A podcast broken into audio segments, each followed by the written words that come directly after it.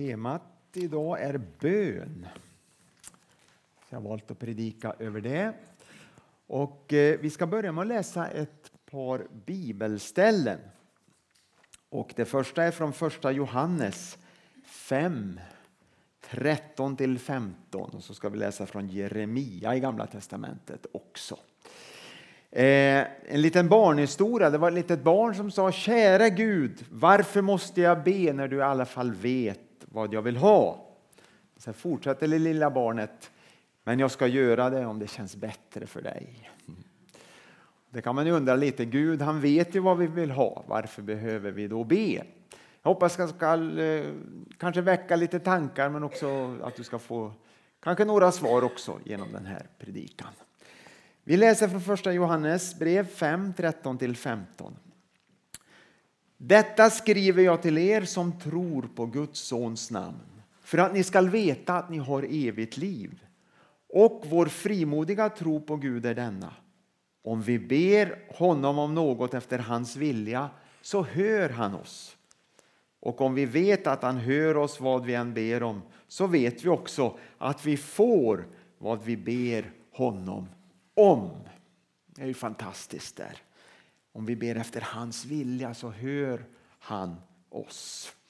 Så bön handlar mycket om relation och genom vår relation med Herren lär vi känna hans vilja. Så det är liksom en, en grund, en utgångspunkt. Sen står det Jeremia 29, 11-14, Gamla testamentet, profeten Jeremia. Fantastiskt bibelord också. Jag vet väl vilka tankar jag har med er, säger Herren. Välgång och inte olycka. Jag skall ge er en framtid och ett hopp. När ni åkallar mig och ber till mig skall jag lyssna på er. Inte kanske lyssna på er, utan jag skall lyssna på er. När ni söker mig skall ni finna mig.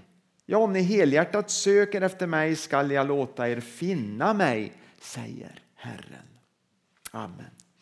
Herre, tack för ditt ord och du välsignar det på våra hjärtan den här stunden. I Jesu namn. Amen. Ja, fantastiska bibelord. Vi är skapade för bön, vi människor. Gud tänkte så från början. Han skapade oss för en relation. Och bön är ju relation som jag sa inledningsvis. Och vår ande alla människors ande längtar efter gemenskap med Gud innerst inne. Oavsett man vet om det eller inte så har Gud lagt ner den längtan i skapelsen. Så är det. Vi förstår det inte alltid.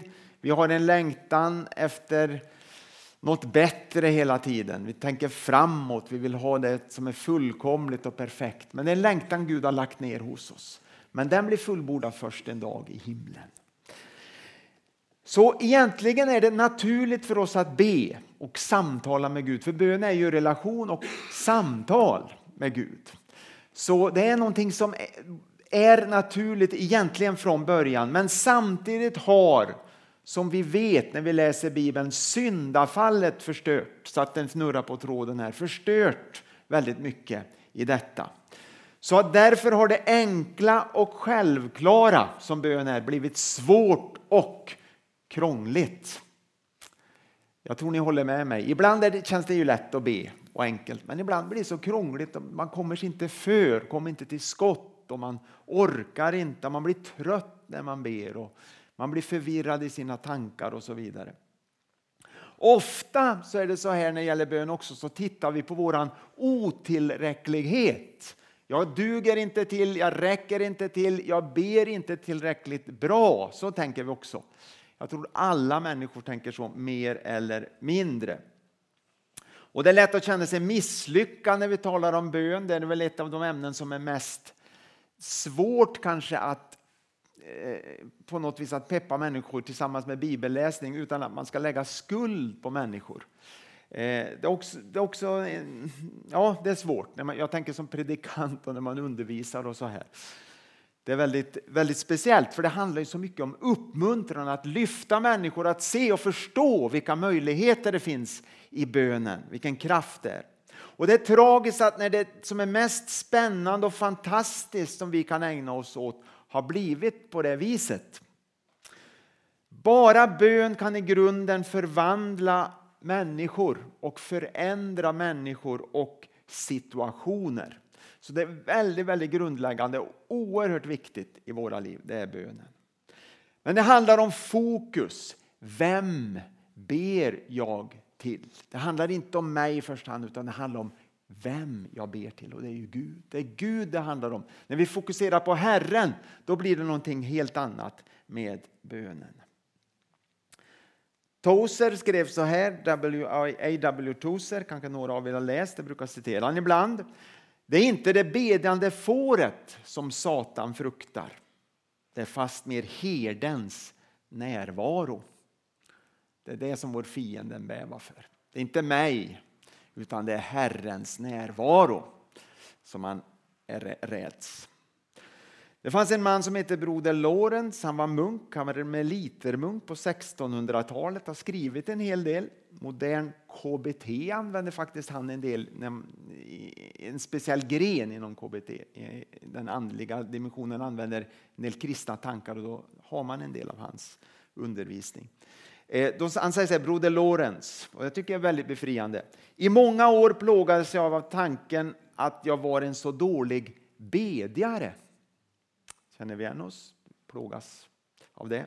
Men så sa hon så här. Men så en dag insåg jag att jag alltid skulle vara en dålig bedjare. Och sedan dess har det gått mycket bättre. Så det får vi ta till oss. Ja, det avdramatiserar det hela. Vad lär vi oss av det jag har sagt här? Det finns mycket och man kan ta ut, men jag, jag, tänkte på någonting här. Det finns ett moment av kamp när vi kommer till bön. Det är ofrånkomligt. Det är det. Och för det handlar om att prioritera och ge utrymme i vårt liv till att be. Och det är inte alltid så lätt det där att prioritera. En del människor är mer disciplinerade än andra. Då kanske man har lättare, men sen kan disciplin också bli lag och då blir det också fel. Så det, det gäller att parera, navigera rätt här hela tiden. Men det handlar om mycket om prioritet, så är det absolut. Och det ser man också i Jesu undervisning. Det blir liksom ingen bön av sig självt. Det andliga livet växer inte av sig självt. Om livet bara rullar på och vi inte liksom på något vis överlåter, tar tag i vår situation men samtidigt naturligtvis handlar det om Guds kraft, överlåter det åt Herren och att han hjälper oss, blir beroende av honom. Då går vårt andliga liv bakåt om vi inte tar tag liksom, i saken. Det är väldigt viktigt. Men sen är det inte jag som, som ska göra det själv utan det är Herren som gör det genom mig. Det där är väldigt viktigt att förstå. Det är en, en balans det där. Ofta hamnar vi fel, missförstår det där. Men det blir ingen bön av sig självt, utan vi måste ta tag i situationen. Sen är det viktigt att komma ihåg att Gud han hör våra suckar. Alltid. Ibland går vi igenom svåra perioder, mörka perioder. Alla här har gått igenom svåra perioder. En del har gjort det oftare än andra, men alla har gjort det. Och då kanske vi inte orkar be. Jag har själv varit i den situationen vissa tider att man inte orkat be så mycket. Då men då hör Gud våra suckar. Det är det som är fantastiskt. Det handlar ju inte om hur många timmar jag ber varje dag eller minuter. Timmar kanske det är väldigt stort, men några, om hur många minuter jag ber. Det handlar ju inte om det, utan det handlar om mitt hjärtas inställning, min relation till Herren. Och vet, Gud vet allt om oss och han vet att vi går igenom olika skeden. Eh, men vi kommer inte, ändå inte ifrån att det här är en överlåtelsefråga också. Det ser vi tydligt i Bibelns undervisning. Men fokus måste vara Gud. Det är bättre att erkänna att jag inte kan göra något utan Gud. Att jag kommer i den situationen. Jag kan inte göra någonting utan Herren. Jag är absolut beroende av honom till 100 procent. Jag är svag, men Gud är stark. Har jag insett det, då blir jag också mer beroende av bönen. Vad är bön? Jo, bön är bland annat det här att komma så nära Herrens hjärta så vi känner hans pulsslag. Vi lär känna Herren, vi lever så nära så vi lär känna honom. då blir man också en annan människa.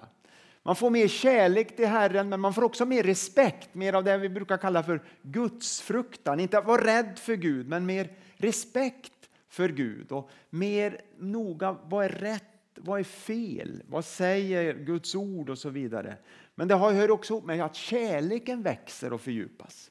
Och det kommer att prägla hela mitt liv. Allt som jag äger och har, alla mina tankar, uppfattningar, värderingar, känslor och så vidare. Allt kommer att präglas av att jag lever så nära Herren, att jag känner hans pulsslag. Och bönen den föds vid Guds hjärta. Och i hans närhet så får jag klarhet. Vi läste ju det inledningsvis i första Johannes brev att, att be efter Guds vilja. Och den lära känna genom att leva nära Herren så jag, så jag, så jag känner hans pulsslag, lär känna hans hjärta, hur han tänker, hur han ser på saken. Och bön handlar inte i första hand om att övertala Gud att göra min vilja, även om Gud är intresserad. Han vill höra hur vi tänker och hur vi resonerar. Det ser vi i Bibeln, i Gamla testamentet i synnerhet. När profeterna och, och tidigare också patriarkerna bad till Gud. Då ville Gud veta vad, vad vill ni, vad önskar ni och så vidare. Men det först, först och främst handlar det inte om min vilja utan det handlar om att göra mig tillgänglig för att hans vilja ska ske i mitt liv. Att göra mig tillgänglig inför Gud så att hans vilja får ske i mitt liv. Och den heliga Ande föder en längtan i mitt liv att tränga djupare i relationen till Gud, att lära känna honom mer och mer. Bön är rörelse. Bön är rörelse. När människor får se Gud, nu talar jag om den andliga, man får en klarsyn andligt, man får se man får en uppenbarelse, en inre uppenbarelse om vem Herren är och vad han vill. Då sker en förändring. Att en eller några människor får se Gud, jag talar inte om fysiskt när jag talar om inre uppenbarelse, det innebär en jättestor förändring och det ser vi genom historien. Eh, jag ska ta några exempel. Först bara några namn i Bibeln och sen några i, i väckelsehistorien. Så. Att vilka, vilka förändringar det har inneburit.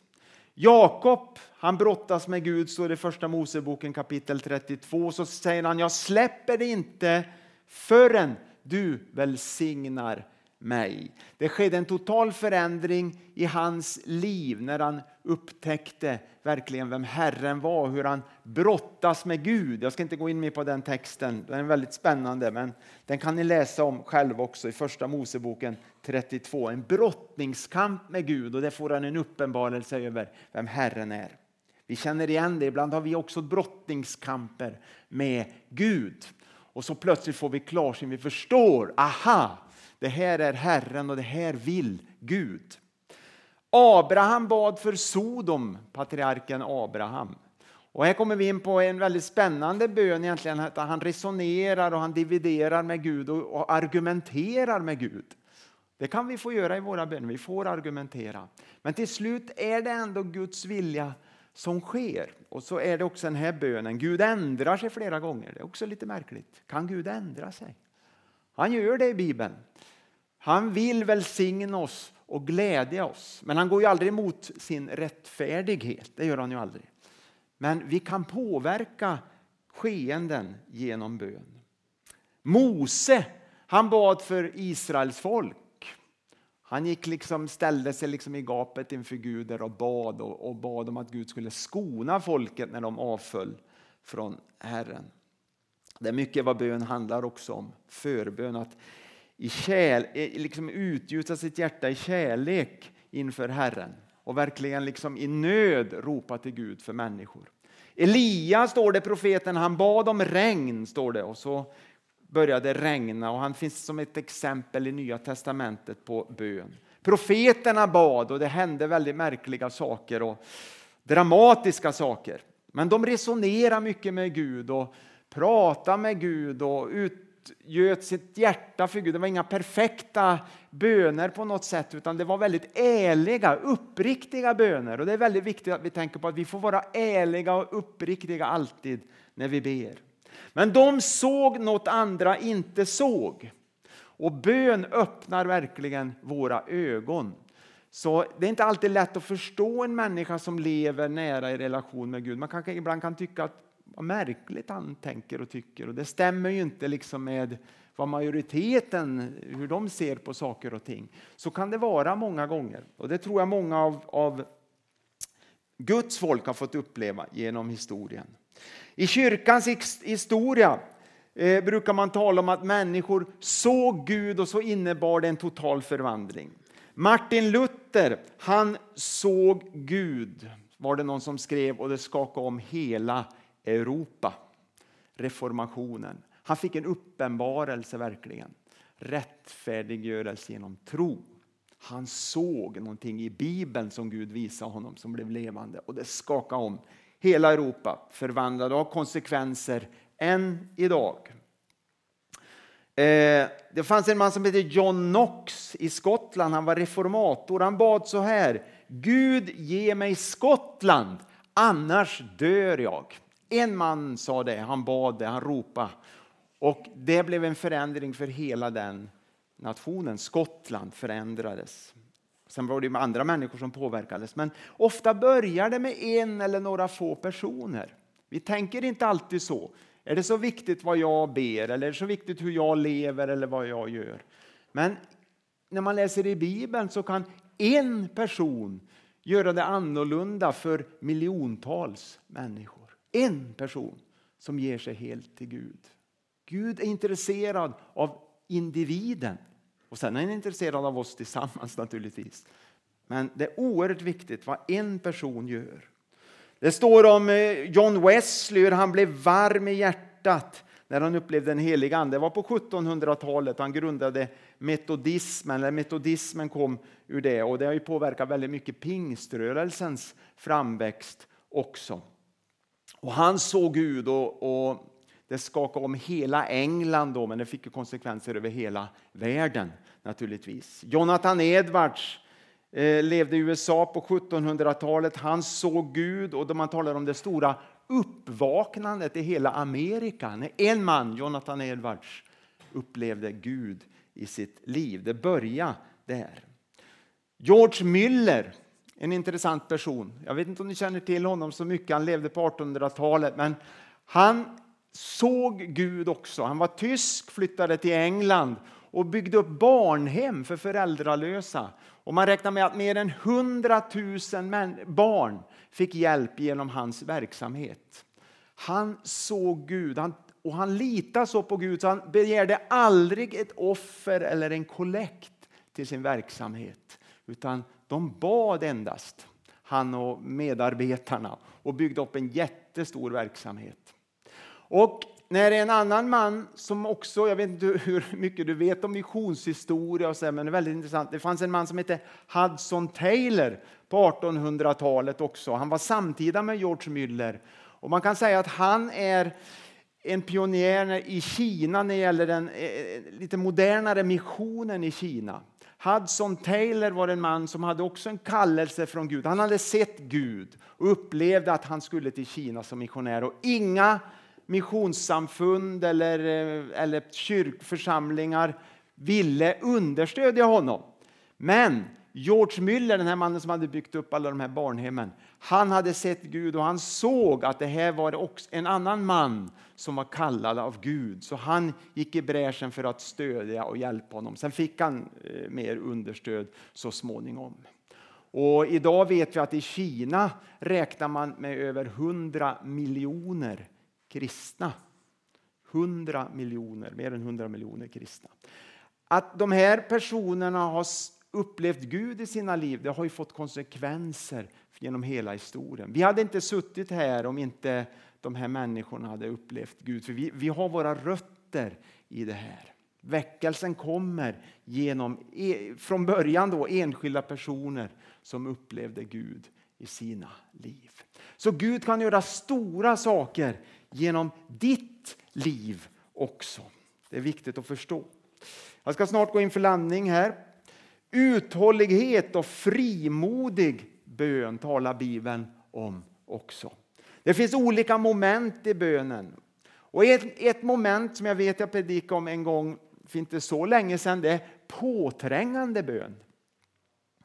Eh, eh Jesus talar till exempel i Lukas 11 och 8 om det att be så ska ni få, sök så ska ni finna, bulta så ska dörren öppnas. Påminner en del om det vi läste från Jeremia innan. Och i Romarbrevet 12 och 12 står det att vi ska vara ihärdiga i bönen. Alltså vi ska inte ge oss eh, med mindre än att Gud svarar på bön eller att Gud gör någonting. Att man ska fortsätta. Det lyfter Bibeln fram väldigt mycket faktiskt. Att man ska vara ihärdig. Någon frågade en eh, som var van att be mycket, svarar Gud på bön? Nej, sa han. Gud svarar på desperat bön. Han svarar inte på bön bara, utan desperat bön. Vi behöver bli mer desperata. Som kvinnan som bad så här att käre Gud, jag ber dig om visdom att förstå min man, kärlek att förlåta honom och tålamod för hans skiftande humör. För du vet Gud, om jag ber om styrka kommer jag att slå ihjäl honom. Amen. Mm. Hon trodde på bönen i alla fall. Gud lyssnar med glädje på våra desperata, helhjärtade böner. Inte de här lama bönerna, halvhjärtade bönerna man bara slänger ut sig, utan Gud vill se desperata böner, helhjärtade böner.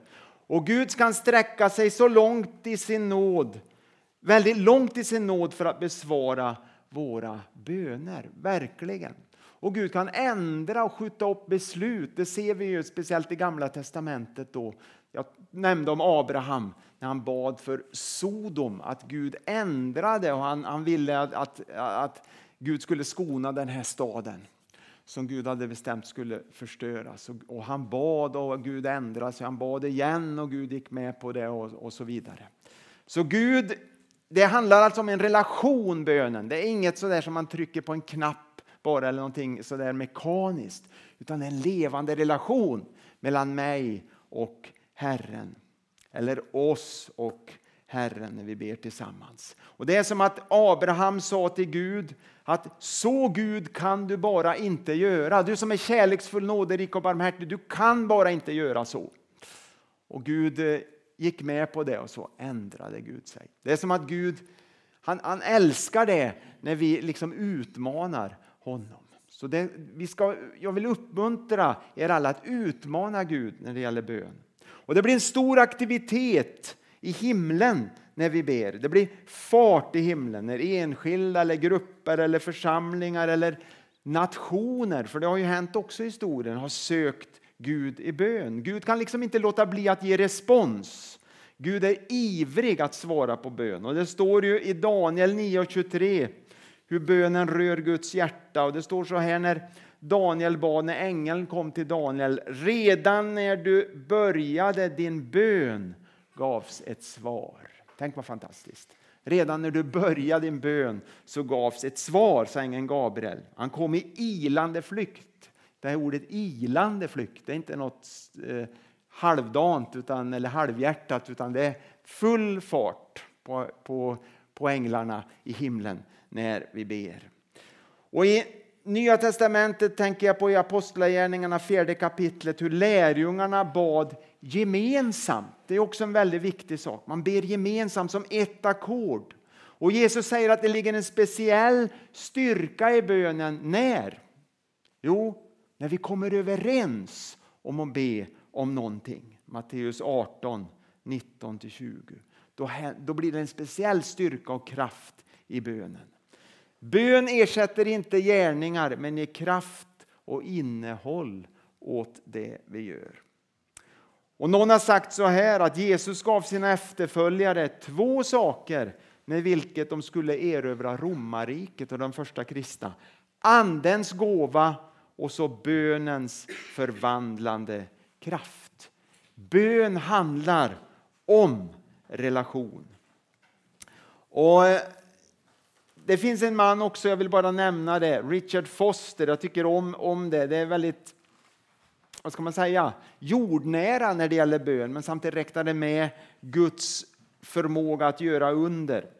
Han säger så här, han har skrivit väldigt mycket böcker och en, en auktoritet mycket när det gäller andligt liv och, och, och bön. Grovt räknat har jag funnit att 20 procent av dem jag ber med inte tycks uppleva någon förbättring av sin psykiska eller fysiska hälsa. Alltså 20 procent. Han menar att när han ber för människor så 20 procent så händer det ingenting. Medan 20 procent upplever en viss förbättring. Hur mycket fattas då? 60 procent. Då säger han så här. Omkring 50 procent upplever en avsevärd förbättring. Och så avslutar han omkring 10 procent en dramatisk förbättring eller ett totalt helande. Eh, är det värt att be om det är bara 10 procent som blir helt helade? Ja, det är värt. Det är absolut värt.